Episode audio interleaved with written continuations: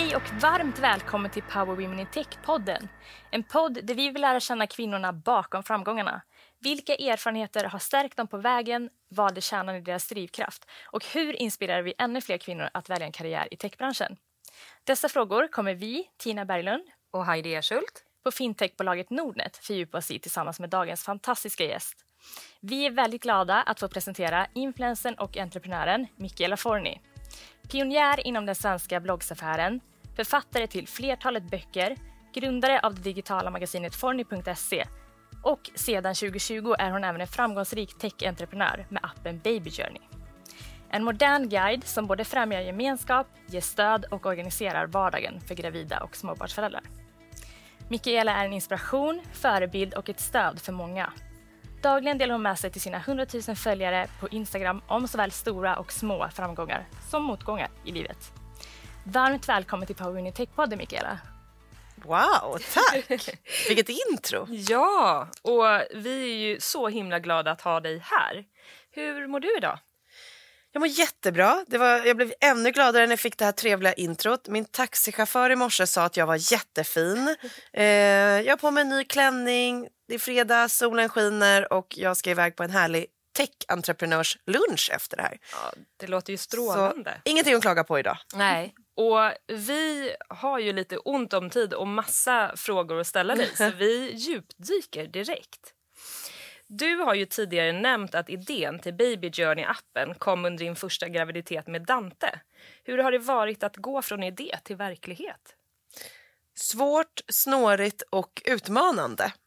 Eh, jag tror att alla som har gjort en app bör hålla med mig om man inte är någon sorts supermänniska eh, i att det är sjukt svårt och jättejobbigt.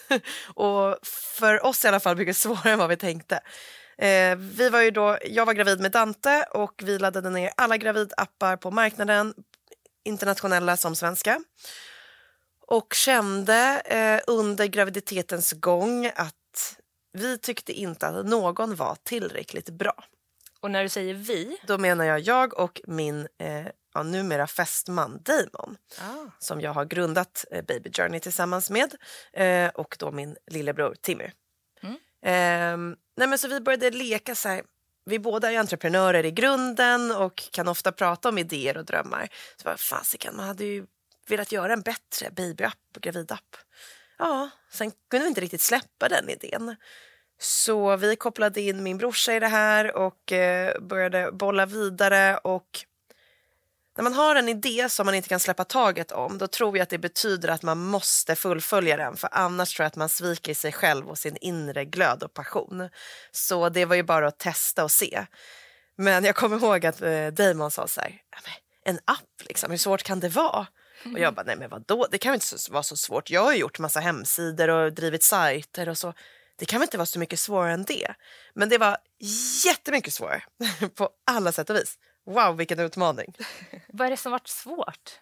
Eh, själva byggandet och utvecklingen egentligen. Det är mycket mer avancerad tech än att jobba med eh, hemsidor helt enkelt. Så att kräver helt andra typer av utvecklingsteam och kunskap om du ska bygga en eh, app med den typen av funktioner som vi har velat ha i vår app. Hur många är det som jobbar för Baby Journey-appen idag? Idag är vi 19 personer Oj. på Baby Journey fyra, fem heltid på eh, utveckling. Då. Mm. Ja, vad roligt. Och växer hela tiden. Så att, ja, vad roligt. Kul! Mm. Och hur kändes det att ge sig in i techbranschen? Jag är nog lite i mitt jag skulle vilja säga i mitt arbetsliv men det gäller nog faktiskt för mitt privatliv också så gör jag nog först och tänker sen, eller medans. ehm, så att jag kan inte säga att jag tänkte så mycket innan jag kastade mig in i tech. Så här, Åh, tech, passar det mig? Ser jag mig själv som en tech-entreprenör? Eller eh, borde jag gå på ett annat spår? Utan det fanns en passion, en vilja, en lust och det var den jag valde att följa snarare än en strategi att gå in i tech.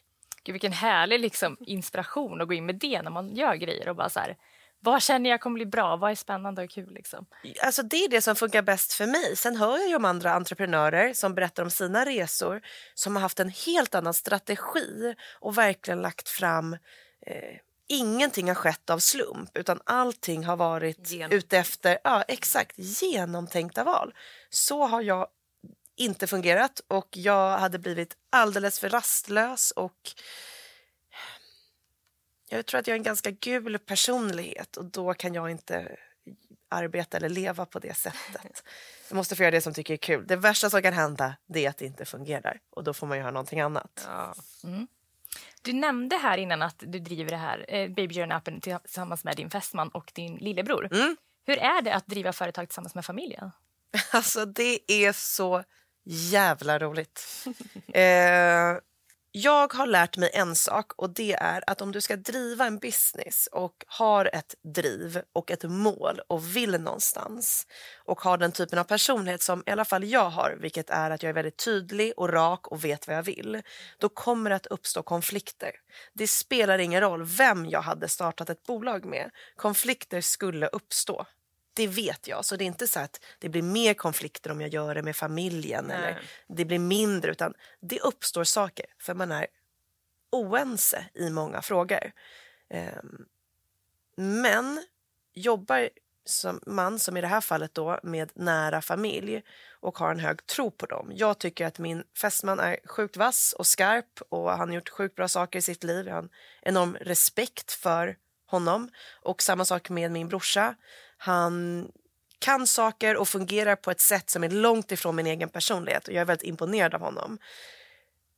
Om den känslan och den vetskapen ligger till grunden i det man försöker bolla fram då har man tillit till varandra och eh, respekterar varandra och även om man inte alltid tycker samma sak så vet man vem som kanske har det sista vetot i vissa saker.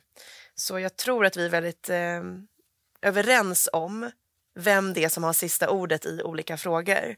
Och ibland om till exempel jag och eh, Damon då inte har varit överens i en diskussion, vi är lite mer lika och kommer från den här entreprenörssidan och min brorsa har en utbildning inom health tech Ah, på Karolinska. Så han jobbade då på en vårdapp innan så han kommer ju var verkligen från... perfekt att ni ändå hade den här äh, Han var ju kompetensen inom familjen. Alltså han var ju den, den viktiga pusselbiten för mig och Damon när vi började klura på det här och vi insåg att men herregud, Timmy är ju utbildad inom exakt det vi vill göra. Kom ihåg också när han skulle börja gå den här utbildningen, det var ju kanske sju, åtta år sedan nu eller något sånt, på Karolinska och jag bara Health tech, vad är det? Han bara, men då kan vi jobba på typ en vårdapp du vet och göra så här coola grejer, jobba med eh, tech och vård kombinerat. Jag bara, men jag förstår inte. Och sen så gick åren så bara, vilken grym utbildning. Ehm, men det är bra för han är lite som eh, Schweiz, han är den neutrala zonen. Så när det hettar till mellan mig och min kille så glider Timmy in där med sin kunskap, sin analytiska hjärna och bara bestämmer så säger han, nej men hörni jag tycker nog så här. Och då vet man att då får den andra Det är han som har vetot där också. frågan, liksom. Precis, precis. Så det är skitkul och absolut utmanande och det eh, finns konflikter. Men för mig finns det inte att konflikterna skulle vara större än grundtilliten och respekten vi har mot varandra. Och om man ska jobba jättemycket och lägga så mycket tid på det, varför inte lägga den tiden på två av de människorna man älskar mest i hela världen? Jag kommer aldrig ångra de här åren. Även om det blir tufft eller inte har gått som man har tänkt sig så har jag i alla fall fått tillbringa sjukt mycket tid och gjort en spännande resa med ja, två av mina favoritkillar. Liksom. Ja, ja, det är ju jättefint. Det är jättemysigt. Få hänga med sin lillebror varje dag. Det är ju så Ja. mysigt som man orkar inte. Och det, kommer, det kanske också blir mer naturligt när vi blir lite äldre. För det, jag kan tänka mig att ni säkert har haft så här, ja, men, syskonbråk under uppväxten. Vi har aldrig bråkat speciellt mycket men mer att så här, ja, men han har hållit på med sina grejer och jag har hållit på med mina. Men sen är vi i mångt och mycket lika och på vissa andra sätt väldigt olika. Men det var det som gjorde att vi kompletterade varandra väldigt bra, märkte vi när vi började jobba tillsammans. Och jag var jag visste att jag inte skulle vilja äventyra vår relation Ehm, och att jag aldrig kommer göra någonting i den här verksamheten som skulle äventyra det. Det har inte hänt hittills och jag har svårt att se att det skulle ske. Han är också mycket lugnare än vad jag är så det kan ju vara därför. Det kan ju vara han som ser till så att vi inte ryker upp egentligen. Jag tror att det kan vara så att det är Timmy som är den största människan. Han är Schweiz i, i företaget. Exakt. Men kul att du nämnde liksom healthcare app och, mm. och liknande. Och nu sitter det här på babytech-marknaden helt plötsligt. Yes. Um, och det finns ju redan, som Heidi nämnde, det finns ju redan många appar. Mm. Uh, hur utmärker man sig på marknaden?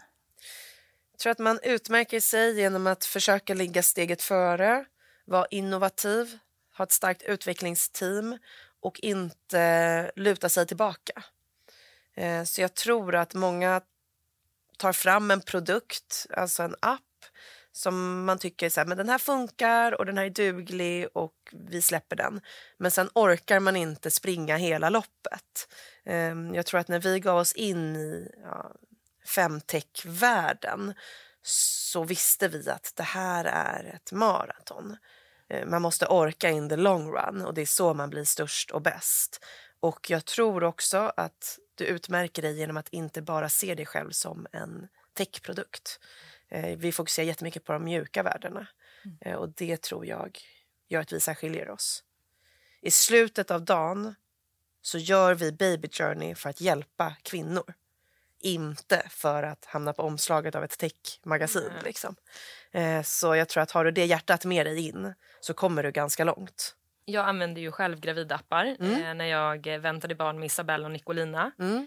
Eh, och det blir ju en stor del av din vardag. Mm, det blir verkligen. att man går in och tittar och läser på och vilken vecka är jag i. Eh, ser bilder på det här lilla mm. fröet som sen växer hela tiden. Ja. Eh, vad skulle du säga är liksom speciellt med Baby Journey-appen? Vad är det som utmärker er app?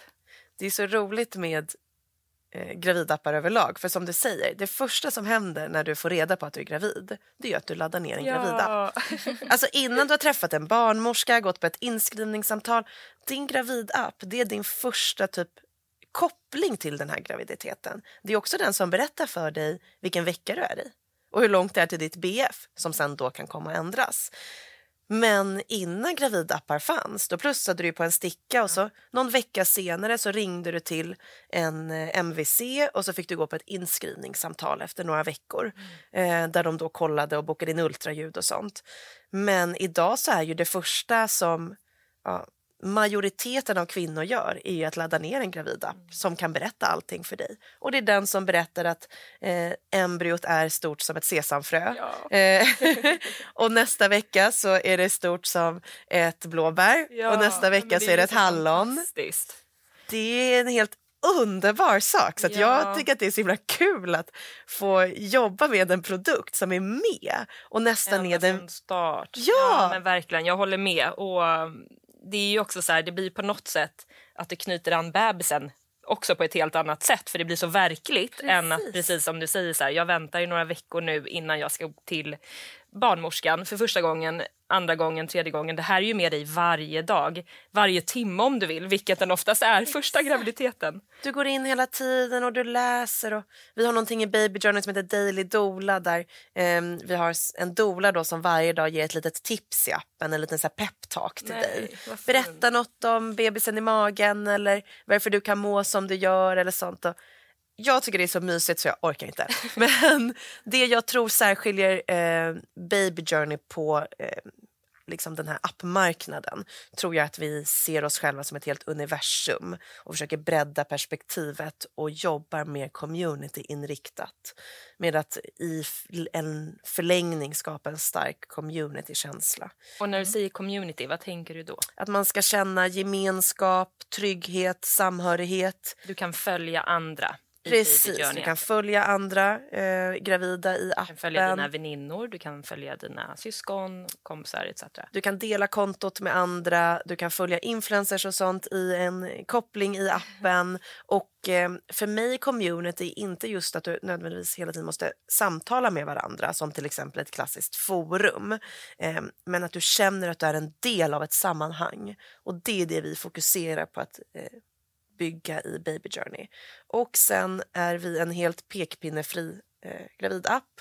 Och det som störde mig när jag själv var gravid var att jag kände att det smög in små pekpinnar till höger och vänster eh, i olika forum. Och det fick mig att känna mig som en dålig mamma redan innan jag hade hunnit bli mamma. Och eh, det var min så här, främsta eh, ja, men en av de främsta grejerna jag tog med mig in i bygget av Baby Journey. Att inte en enda jävla pekpinne. Alltså vi kvinnor har redan pekpinnar så det räcker och blir över. Mot oss själva, ja. Ja. Dagligen. Ja. Precis. Både Och omvärlden själv. Liksom. man är så orolig hela tiden för man vill bara göra rätt och man vill bara vara bra och man vill bara att någon ska säga att du får MVG på provet. Du kommer att bli en superbra mamma eller du är en superbra mamma. Men så sitter du där och är gravid och jag vet inte, äter en liten bit ost på mackan och så går du in på din app som bara vill du att ditt barn ska dö eller? Typ. Och man bara, varför kan jag inte äta den här osten? Åh herregud! Liksom. Och så det behöver jag inte. Nej. Så jag vill ha en snäll app. Ja, ja, jag tror att vi har lyckats med det. Absolut. Och influencerbranschen är ju kvinnodominerad, vilket är fantastiskt eh, och jättebra. Hur tycker du att branschen skiljer sig mot techbranschen som överlag är extremt mansdominerad? Jag tycker nog att influencerbranschen eh, är mer social. Eh, på alla sätt och vis. Både kanske för det faktum att den verkar inom sociala medier eh, men också att det är en mer social... Man träffas och ses och utbyter och så. Det kan vara så att det är så i techbranschen också men att jag inte är en lika stor del av det communityt som kvinnlig techentreprenör. Det vet jag inte. Ehm, det, det låter, jag kan nog bara Ja. mer hålla med dig, för det känns som att det finns en helt annan plattform. När man googlar så här, kvinnlig techentreprenör då dyker det upp typ sju träffar. Hur deppigt är det? Det finns liksom ingenting. kommer inte ens upp en bild på någon. alltså man bara... Jag vet inte om jag ska börja liksom sökordsoptimera jättemånga artiklar Ja, på. Forni med techentreprenörskvinnor och lyfta fram oss så att vi kommer in där på Google. Ehm, men ja, det är ju, techbranschen är ju mycket mer mansdominerad och det kan vara så att det finns ett community men att jag ännu inte är en lika stor del av det som kvinnlig techentreprenör. Men jag upplever att influencerbranschen är väldigt social och eh, jag upplever också att den delen av branschen som jag tillhör eh, är väldigt stöttande och supportive. Jag får extremt mycket uppbackning och stöttning när jag gör saker och försöker ta mig framåt från mina branschkollegor. Och det är precis det vi behöver. Vi behöver så här, kvinnor måste lyfta andra kvinnor. Det är så vi lyckas bland Ja, annat. jag liksom. menar det. Att hålla varandra om ryggen och bara peppa. Och det är ändå lite av en här grej jag vill, eh, kanske en myt också som jag vill slå hål på att influencerbranschen ska vara kanske lite så här eh, catfightig eller att man hugger varandra i ryggen eller att man inte är stöttande. Men så är det verkligen inte. I alla fall som jag sa, de delarna jag har sett och jag känner mig som en del av att eh, när vi lanserade Baby Journey eh, så liksom första dagen som vi gick ut med att jag bara, det här är min app så tror jag att det var över 30 stycken branschkollegor som la upp och la in en swipe Ja. till att ladda ner appen. Fint. Så vi hade över 10 000 nedladdningar på första 24 timmarna. Ehm, här, 20 000 på en vecka. Bara tack vare mina branschkollegor. Som var schyssta och bara pushade och peppade och skrev att de var stolta och att det var en grym produkt. Och jag hade aldrig kunnat ta min... Jag hade aldrig kunnat ta mig så långt som entreprenör oavsett vad det är jag har gjort om det inte vore för den stöttning jag fått från influencerkollegor. Så eh, sjukt Helt stolt. rätt. Ja, Stor eloge till alla dina kollegor där ute. grymma. Du är ju både sociala medier och tech-entreprenör. Mm. Eh, Men du är ju också författare. Yes. Ja, och 2016 släppte du boken Jag är inte perfekt, tyvärr. Mm. Eh, och då var du 25 år, eh, när du då bland annat då berättade om att du var utmattad som 25. Eh, och när din bok kom ut 2016, då var jag också 25 och också en av alla de kvinnor som var utmattade, eller som blir utmattade i den åldern. Eh, och jag måste bara berätta så här, din bok var avgörande för mig i den processen, att komma vidare och eh, ja, men liksom, lära känna mig själv och hitta hur jag kan må bra. Så att egentligen vill jag bara börja med att säga tack för att du var så personlig och kunde dela med dig. Tack. Gud vad rörd jag blir. Ja, ehm, det bästa med den boken är att man kan ha, kanske ha då stöttat och hjälpt någon annan. Det var inte jättelätt att skriva men Nej. jag är glad att den kunde finnas till som stöd för andra tjejer. Mm. Nej, men det är vi många som är, tänker jag. Ehm, och nu har det gått några år. Eh, hur ser du tillbaka på den tiden nu? Alltså, jag ägnade faktiskt igenom, eller läste igenom några kapitel av Jag är inte perfekt tyvärr i förra veckan. Så tänkte jag så här, gud vad jag var klok när jag skrev den här boken. Så här, vad långt jag hade kommit. Och nu har jag tappat bort mig lite igen. Så eh, sjukt nog använder ju jag själv ibland boken som en påminnelse om hur jag mådde och de verktygen som hjälpte mig att komma till en mer stabil plats och stå på en bättre grund. Och eh, jag har verkligen inte... Jag ser inte livet som en tydlig linje och en tydlig resa där så här, jag var utmattad och sen så hittade jag verktyg och sen var jag aldrig mer utmattad. Utan jag tror att vi är ett gäng människor som eh, har det i oss att driva oss själva väldigt långt och att kanske se förbi varningssignaler för att man också vet att man kan pusha sig själv rätt långt. Så för mig är psykisk ohälsa ingenting som har försvunnit utan det är någonting som kommer och går. Så även utmattningssyndromen. Ehm, så de senaste åren sedan jag skrev boken har jag ju hamnat i perioder där jag ser tydliga utmattningssyndrom. Ehm, för ja, precis innan jag blev gravid med Dante, vad kan det ha varit då, 2018, så skulle jag eh, gå iväg på en poddinspelning och spelade in eh, den här podden som jag då hade tillsammans med Michaela Hamilton. Och eh, när jag skulle gå dit så gick jag vilse, alltså i mitt kvarter där jag bor på Östermalm. Jag hittade inte dit. Och till slut när jag inser att men gud, jag vet inte vad jag håller på med, jag bara irrar omkring på gatan. Så jag är så jävla ledsen så jag bara satte mig ner och grät på en parkbänk och Hamilton fick komma och hämta mig. Nej, För att jag bara, vad, vad är det jag håller på med? Min hjärna fungerar inte och det är en jätteobehaglig känsla att känna att hjärnan inte fungerar. Um, och det som sagt var eh, har kommit. Det jag tror att jag kan ha med mig idag det är att jag har ett inövat beteende. Jag ser signaler, jag förstår dem och då vet jag att en förändring måste ske. Mm. Eh, när jag blev utbränd som 25-åring då visste jag inte vad jag skulle göra för att ta mig ur det. Så jag bara fortsatte gå, eller så här, gräva den här utmattningsgropen istället för att börja klättra upp. Nu kanske jag inser att ah, men gud, nu är jag i den här gropen. Okej, okay, men då måste jag göra det här och det här och det här för att ta mig ur den. Så jag kommer aldrig riktigt långt ner som jag gjorde då. Nej, och det är väl det, är väl det jag tänker som är så fördelen. Alltså, det är ju tråkigt att man har varit utbränd, mm. men det är väl också fördelen att se de här uh, varningssignalerna när de väl dyker upp. Att så här, nu är jag på väg igen att Precis. bli utmattad. Och man märker på sig själv skillnaden. Förut så, det skriver jag om i boken, att jag tyckte det var så coolt att säga att jag jobbade så mycket. Det var typ det coolaste jag mm. visste. Men så, Nej men gud jag hinner inte på det där för jag har så mycket jobb. Mm. För då kände jag mig liksom business och som att jag var bättre än alla andra. Mm. Och eh, Det är också intressant att titta på varför det är så viktigt för en att känna så. Mm. Vad är det som saknas i ens egen självkänsla som gör att du måste fylla den med prestationer? Mm. Um, men idag så inser jag att när jag säger till folk att äh, men jag har jättemycket jobb då är det mitt sätt att ropa på hjälp. Oh. Då är det ett sätt för mig att så här, se mig, hör mig. Kan någon förstå en varningssignal? Jag vågar inte riktigt dra i handbromsen själv. Mm. Jag behöver kanske att någon annan säger att det är okej, okay, vi plockar bort något.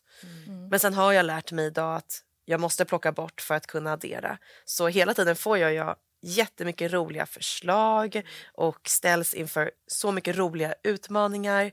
Men jag kan inte bara plocka in projekt. Mm. Jag måste också plocka ut projekt. För att ha balans. Precis, så det får man göra på olika sätt. Att, mm. ja, men, eh, när Baby Journey kommer då slutade jag, gick jag till exempel som delägare ur Grounded Factory som var där. Yogavarumärket som jag jobbade med länge och som var ett passionerat roligt projekt för att då var jag tvungen att fokusera på mm. någonting annat. Så man kan inte bara ta ifrån sig själv och sin energi. Man måste ju ge till sig själv och sin energi heller. Men jag är absolut ingen expert. Jag gör fortfarande fel och lär mig längs min väg. Mm. Och jag tror verkligen inte jag är ensam om den här, så här prestationsprinsessa-genen. Nej, och det var precis min, min nästa fråga också. Hur blir man vän med sin inre prestationsprinsessa? Och har du och hon försonats idag? Ja, så you tell me hur man blir vän med henne. Snälla, sitter ni på något tips? Mejla mig. Ja. um, jag har inte försonats med henne. Jag kanske gör det i perioder och jag tror att jag är snällare och håller henne mer i handen nu. Mm. Um, men det ligger djupt rotat i mig att eh, ja, drivas av prestationer och mm. vad jag gör snarare än vem jag är. Liksom. Eh, så ja, jag tror jag tycker mer om mig själv idag mm. som 30 plus än vad jag gjorde när jag var 20 plus. Um, men gillar också känslan av att ja, pressa mig själv och klara av att göra saker eh, som folk kanske inte tror att man ska klara av eller som känns lite svåra ja, att ta sig du, du gillar utmaningen. Ja, jag går igång på det. Och på ett sätt så är det ju bra och en fin egenskap för det är det som kanske har gjort att jag lyckats mm. bygga saker eller åstadkomma saker som jag annars kanske inte hade orkat. Så drivet är en bra sak om du värnar om det rätt. Mm. Och det är väl den balansen jag hela tiden... Vikten, ja. Du måste hitta mm. balansen. Precis, det är den balansen som jag hela tiden jobbar med. Mm. Um, och sen så får man väl växeldra. Ibland så får man väl köra på lite snabbare. Men jag tror att det är viktigt att under den perioden ladda upp för en lugnare period efter. Den här våren har varit skithektisk och ja, men jag supersatsat på jobbet. Och det funkar ju med vetskapen om att bra, okej, okay, då måste jag planera in det här och här och här när sommaren kommer. Eh, för annars går det inte. Mm. Och till hösten så ändrar jag de här sakerna och förbättrar de här och ja, sånt. Men nej, jag har inte försonats med min prestationsprinsessa. Har ni gjort det? Nej. nej. Jag tror nog aldrig jag kommer göra det. Det är jättejobbigt. Mm. Och eh, jag är både perfektionist både på hemmaplan och på jobbet. Mm.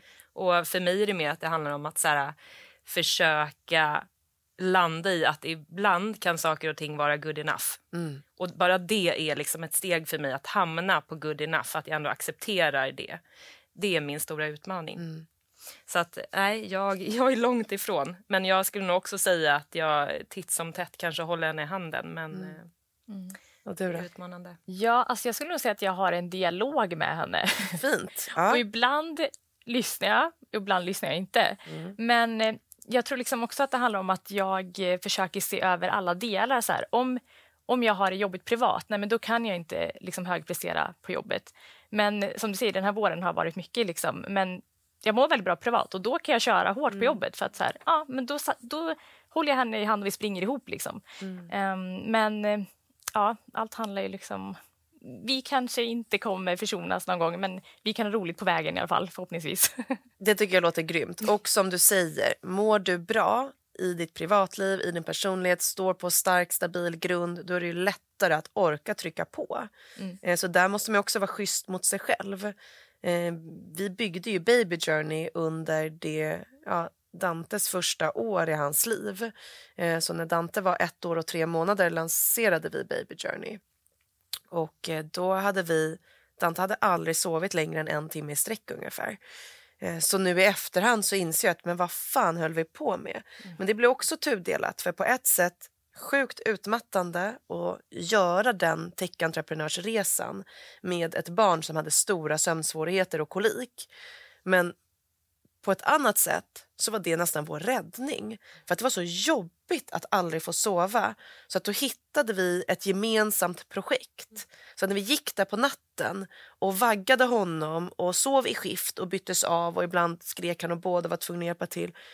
Då kunde vi ändå gå så här, fan det här hade varit kul att ha i vår app. Mm. Eller så här, undrar hur svårt det är att bygga den här funktionen, det frågar Tim imorgon. Så det blev ändå en räddning samtidigt som att så här, shit, hur orkar vi med det där?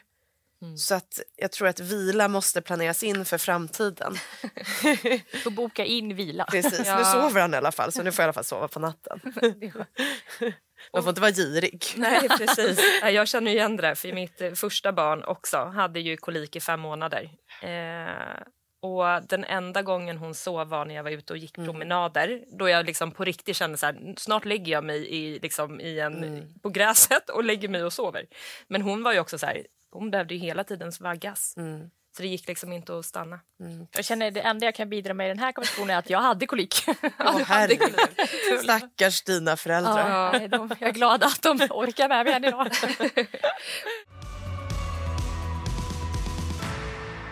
Mikaela, vad skulle du säga är dina personliga egenskaper som har varit nyckeln för dig i din karriär? Jag tror min känslighet. Jag tror att många driver sin framgång på väldigt många andra faktorer än just känslighet. Och att vara känslig kan vara jättebra och jättedåligt. Ehm, I den karriären som jag har gjort och det, ja, det jag har byggt min karriär på så har det nog varit en framgångsfaktor och det som har gjort att jag har kunnat eh, bli stor. Eh, och ja, vara bra, hyfsat bra på det jag gör. Liksom. Eh, så tror att ibland när jag säger att jag är känslig så tänker man att jag ska vara så mjuk och mesig. Och eh, det är jag inte. Jag är ganska hård och rak och vet ofta exakt vad det är jag vill. Vet exakt vad jag tror behövs för att man ska komma någonstans. Jag är inte rädd för att säga vad jag tycker. Ehm, jag är väldigt liksom, mycket person. Eh, jag tror att de som bara följt mig i sociala medier och sen jobbar med mig eller lär känna mig så tror jag att de kan bli lite så här, chockade över en ganska burdus personlighet. um, så man tänkte att jag ska vara så här, högkänslig, att det är lika med att vara mjuk och mesig. Men jag tror att den känsligheten, att vara öppen med allt jag är, både bra och dåliga eh, sidor, försöka vara ödmjuk i allt jag är um, och använda mig av det i min karriär, mm. tror jag har varit en nyckel. Mm. Och om vi fortsätter på karriärspåret, mm. eh, vad är du mest stolt över hittills? Jag är mest stolt över att jag har hjälpt andra kvinnor mm. i min karriär. Mm. Och det ska jag verkligen vara stolt över. Ja, alla behöver ju olika saker för att sova gott om natten och känna sig nöjda med sitt liv och det man gör i sitt liv. Um, och jag tror att... Jag tror verkligen jag hade ångrat mig om jag hade legat på dödsbädden och inte känt att jag har hjälpt någon annan. Liksom. Och på riktigt, det räcker ju med att känna att man har hjälpt en. Men till exempel som då den här eh, boken Jag är inte perfekt tyvärr. Där jag har fått många meddelanden från tjejer som har mått rätt dåligt och kunnat må, må rätt bra. Eller jag har skrivit mycket om relationer och tror att jag kunnat vara ett stöd för många. Eller som nu, där vi i Baby Journey har kunnat varit en plattform att luta sig mot för kvinnor som har känt sig ensamma eller inte får den, det stödet de behöver i sin gravidresa. Speciellt under pandemin där det har mm. varit eh, brist inom vården. Man får inte ha med partners på olika typer av besök och det har skapat ganska mycket ensamhet. Mm. Så tror jag att vi har kunnat vara en plats för stöd och att man också kan dela resan med sin partner. Um, det är jag mest, verkligen mest stolt över. Att ha, kanske ha hjälpt någon annan. Mm. Fantastiskt fint. Och ja, jag är en av dem så jag kan skriva under på den. Men det räcker liksom. Att få höra att du sa det, då är jag nöjd. Mm. Kan gå i pension nu. Ska göra med alltid. Eh, men du har ju faktiskt tagit på dig väldigt mycket olika roller och utforskat ständigt ny mark kan man ju säga. Mm. Eh, och hur bygger man upp ett självförtroende på vägen när man testar så mycket nytt? Jag tror inte att jag har byggt upp ett så superbra självförtroende. Jag tror att eh, den vacklar lite till och från. Eh, jag tror att det är nyfikenhet som snarare blir min driv och mitt sätt att hela tiden testa nytt. Mm. I nyfikenhet kanske det behövs en dos självförtroende för att våga vara nyfiken eller klara av att vara nyfiken. Men jag tror att det är den nyfikenheten som är äh, jag testar och vi ser hur det känns och vi ser vad som händer. Jag är väldigt passionsdriven i min karriärsresa så allt jag tackar ja till är enbart för att jag tycker att det låter jättekul snarare än hmm, kan jag tjäna pengar på det här? Eh, jag har ju också, det skriver jag om i min bok, gått en så ganska traditionell eh, bolagsresa som anställd på en stor koncern där det finns en tydlig stege för hur du kan nå framgång och klättra inom hierarkin och eh, tjäna massa pengar. Mm. Och eh, där fick jag det verkligen svart på vitt för mig att pengarna inte var drivkraften och valde att lämna det med risken att säga, jag vet inte om jag kommer tjäna så mycket pengar alls. Jag kanske kommer tjäna en sjättedel av det jag hade kunnat tjäna här. En tiondel kanske. Men jag gör nog det ändå, för jag måste göra det som jag tycker är kul och det som känns bra i kroppen. Eh, liksom. Så fortsätter jag att följa min nyfikenhet så tror jag också att jag gör ganska bra saker. Och om de inte blir bra så gör det ingenting. För jag har i alla fall haft kul jättetråkigt att lägga all sin tid och energi på någonting man tror ska göra en rik. Typ. Och sen så går det inte vägen om man går i konkurs och man behöver stänga ner och man har lagt in hela sitt sparkapital. Så står man där med ingenting och var dessutom olycklig eller hade tråkigt. Mm. Alltså vilken mardröm. Mm. Men har man i alla fall haft kul, då är så här, ja ja, då får pengarna, då är det ekonomin är en, en del och lust och passion är en annan. Mm. Eh, då har man i alla fall fyllt en av dem. Mm. Sen är det kul om man kan tjäna pengar också såklart. Och ha roligt. Ja, Precis. Kombination. Kan... Precis, win-win. Och då kan man ta pengarna och göra fler roliga saker. ja, exakt. och techbranschen är ju snabb och ständigt i utveckling. Mm. Om du skulle sia om framtiden, vad kan vi vänta oss? Eh, svårt. Jag tycker att ja, den går snabbt på ett sätt men samtidigt ganska långsamt på ett annat sätt. Men jag skulle vilja säga att det är gamifieringen som blir det liksom mm. nästa stora, att hitta olika sätt att gamifiera mm. sina produkter. Mm. Eh, det tror jag blir någonting vi kommer fokusera på mer och mer. Mm. Spännande.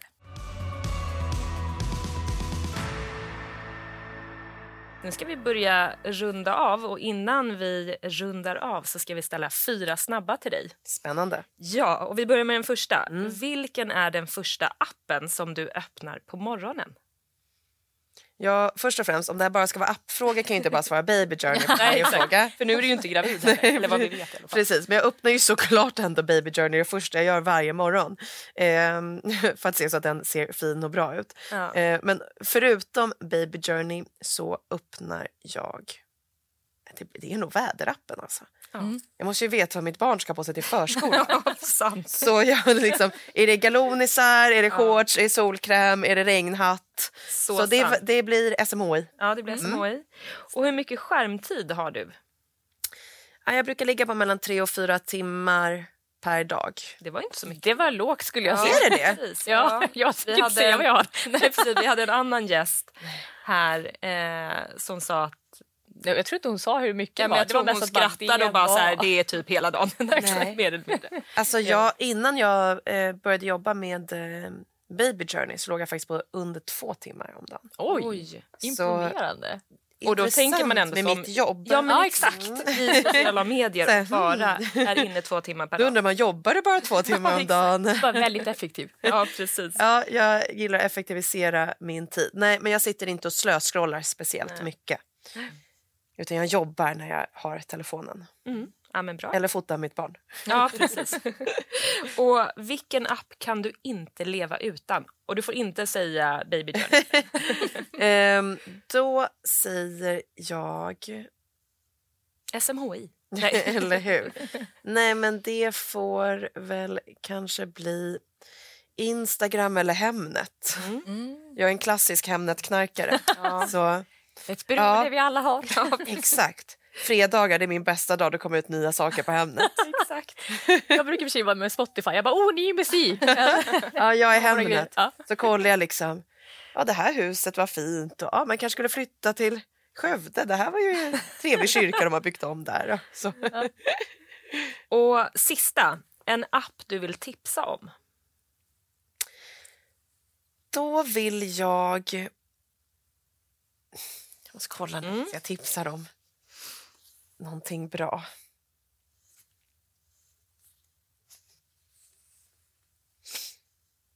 Ska vi kanske tipsa om eh, Karma-appen? Ja, vad roligt. Det var ju hon som vi faktiskt pratade om, Elsa ja. Bernadotte. Nej, är sant? Ja. ja. Och hon eh, skrattade och sa, men hon ville ju inte riktigt kommentera ens hur många Nej. timmar det var utan det var mer så här, oj det var väldigt många. Karma tycker jag är grymt. Ja, jag gillar roligt. alla typer av appar som försöker tänka innovativt och det här är också väldigt klimatsmart. Jag kan få kli i kroppen när jag tänker på hur mycket mat och eh, prylar och kläder som bara slängs och inte återvinns och bara hamnar i en soptunna och sen någonstans mm. där gud vet var. Så att eh, Karma är ju fantastisk eh, bra. Eh, sen vill jag också tipsa om en ny app som jag hittat som jag inte har testat så mycket än men som jag tyckte var väldigt smart. Den heter Blossom. Eh, där ska man kunna fota sina växter hemma så ska den här appen berätta för dig vad den behöver. Åh vad bra, det så, behöver verkligen jag göra här. Ja, jag har extremt ogröna fingrar så jag köper en massa dyra växter som bara dör. Och det är så tråkigt, jag köper krukor och fixar ja, och, och blommor kostar ju ganska mycket om du åker till ett riktigt så här blomland också. Och sen så är de jättefina när man ställer in dem. Sen är det så en mm. vecka, två veckor senare så bara, men vad hände? Precis, så den appen dök upp typ i förra veckan på när jag satt på typ Instagram. Jag är också sån som laddar ner typ alla appar som jag får reklam på. Jag bara, gud vilken smart! Så att så här, eh, den vill jag eh, verkligen också tipsa om. Eh, ja, det får bli dem. Ja, ja men super. ja, men snyggt. Och då har vi faktiskt kommit till den allra sista frågan. Eh, och då vill vi att du ska nämna en powerkvinna i techbranschen som du inspireras av och vill hylla. Kul! finns många fina, duktiga kvinnliga techentreprenörer. Jag önskar och hoppas att det kommer finnas ännu mer i framtiden. Um, men ja, jag säger väl Elina som har startat Natural Cycles då, mm. Berglund, som jag tycker är eh, sjukt duktig, power, vass, klok och har skapat någonting stort och bra. Både ett techperspektiv men också om man tittar på kvinnors perspektiv mm. till att få eh, hjälp när det kommer till den hormonella resan. Jättebra. Mm. Och Mikaela, vi är så tacksamma över att du ville komma hit och dela med dig av dina erfarenheter från både personliga till karriären. Din öppenhet och idérikedom både inspirerar och stöttar väldigt många där ute. Och tack till dig som har lyssnat på detta avsnitt av Power Women in Tech-podden. Prenumerera gärna på podden och gå med i vårt nätverk Power Women in Tech på LinkedIn för att diskutera podden och för att ta del av de senaste nyheterna. Den här podden är producerad av fintechbolaget Nordnet. Vi heter Heidi Ersult och Tina Berglund. Ta hand om dig och kom ihåg att fortsätta drömma, våga och realisera. Vi hörs snart igen. Hej, hej! Hej då!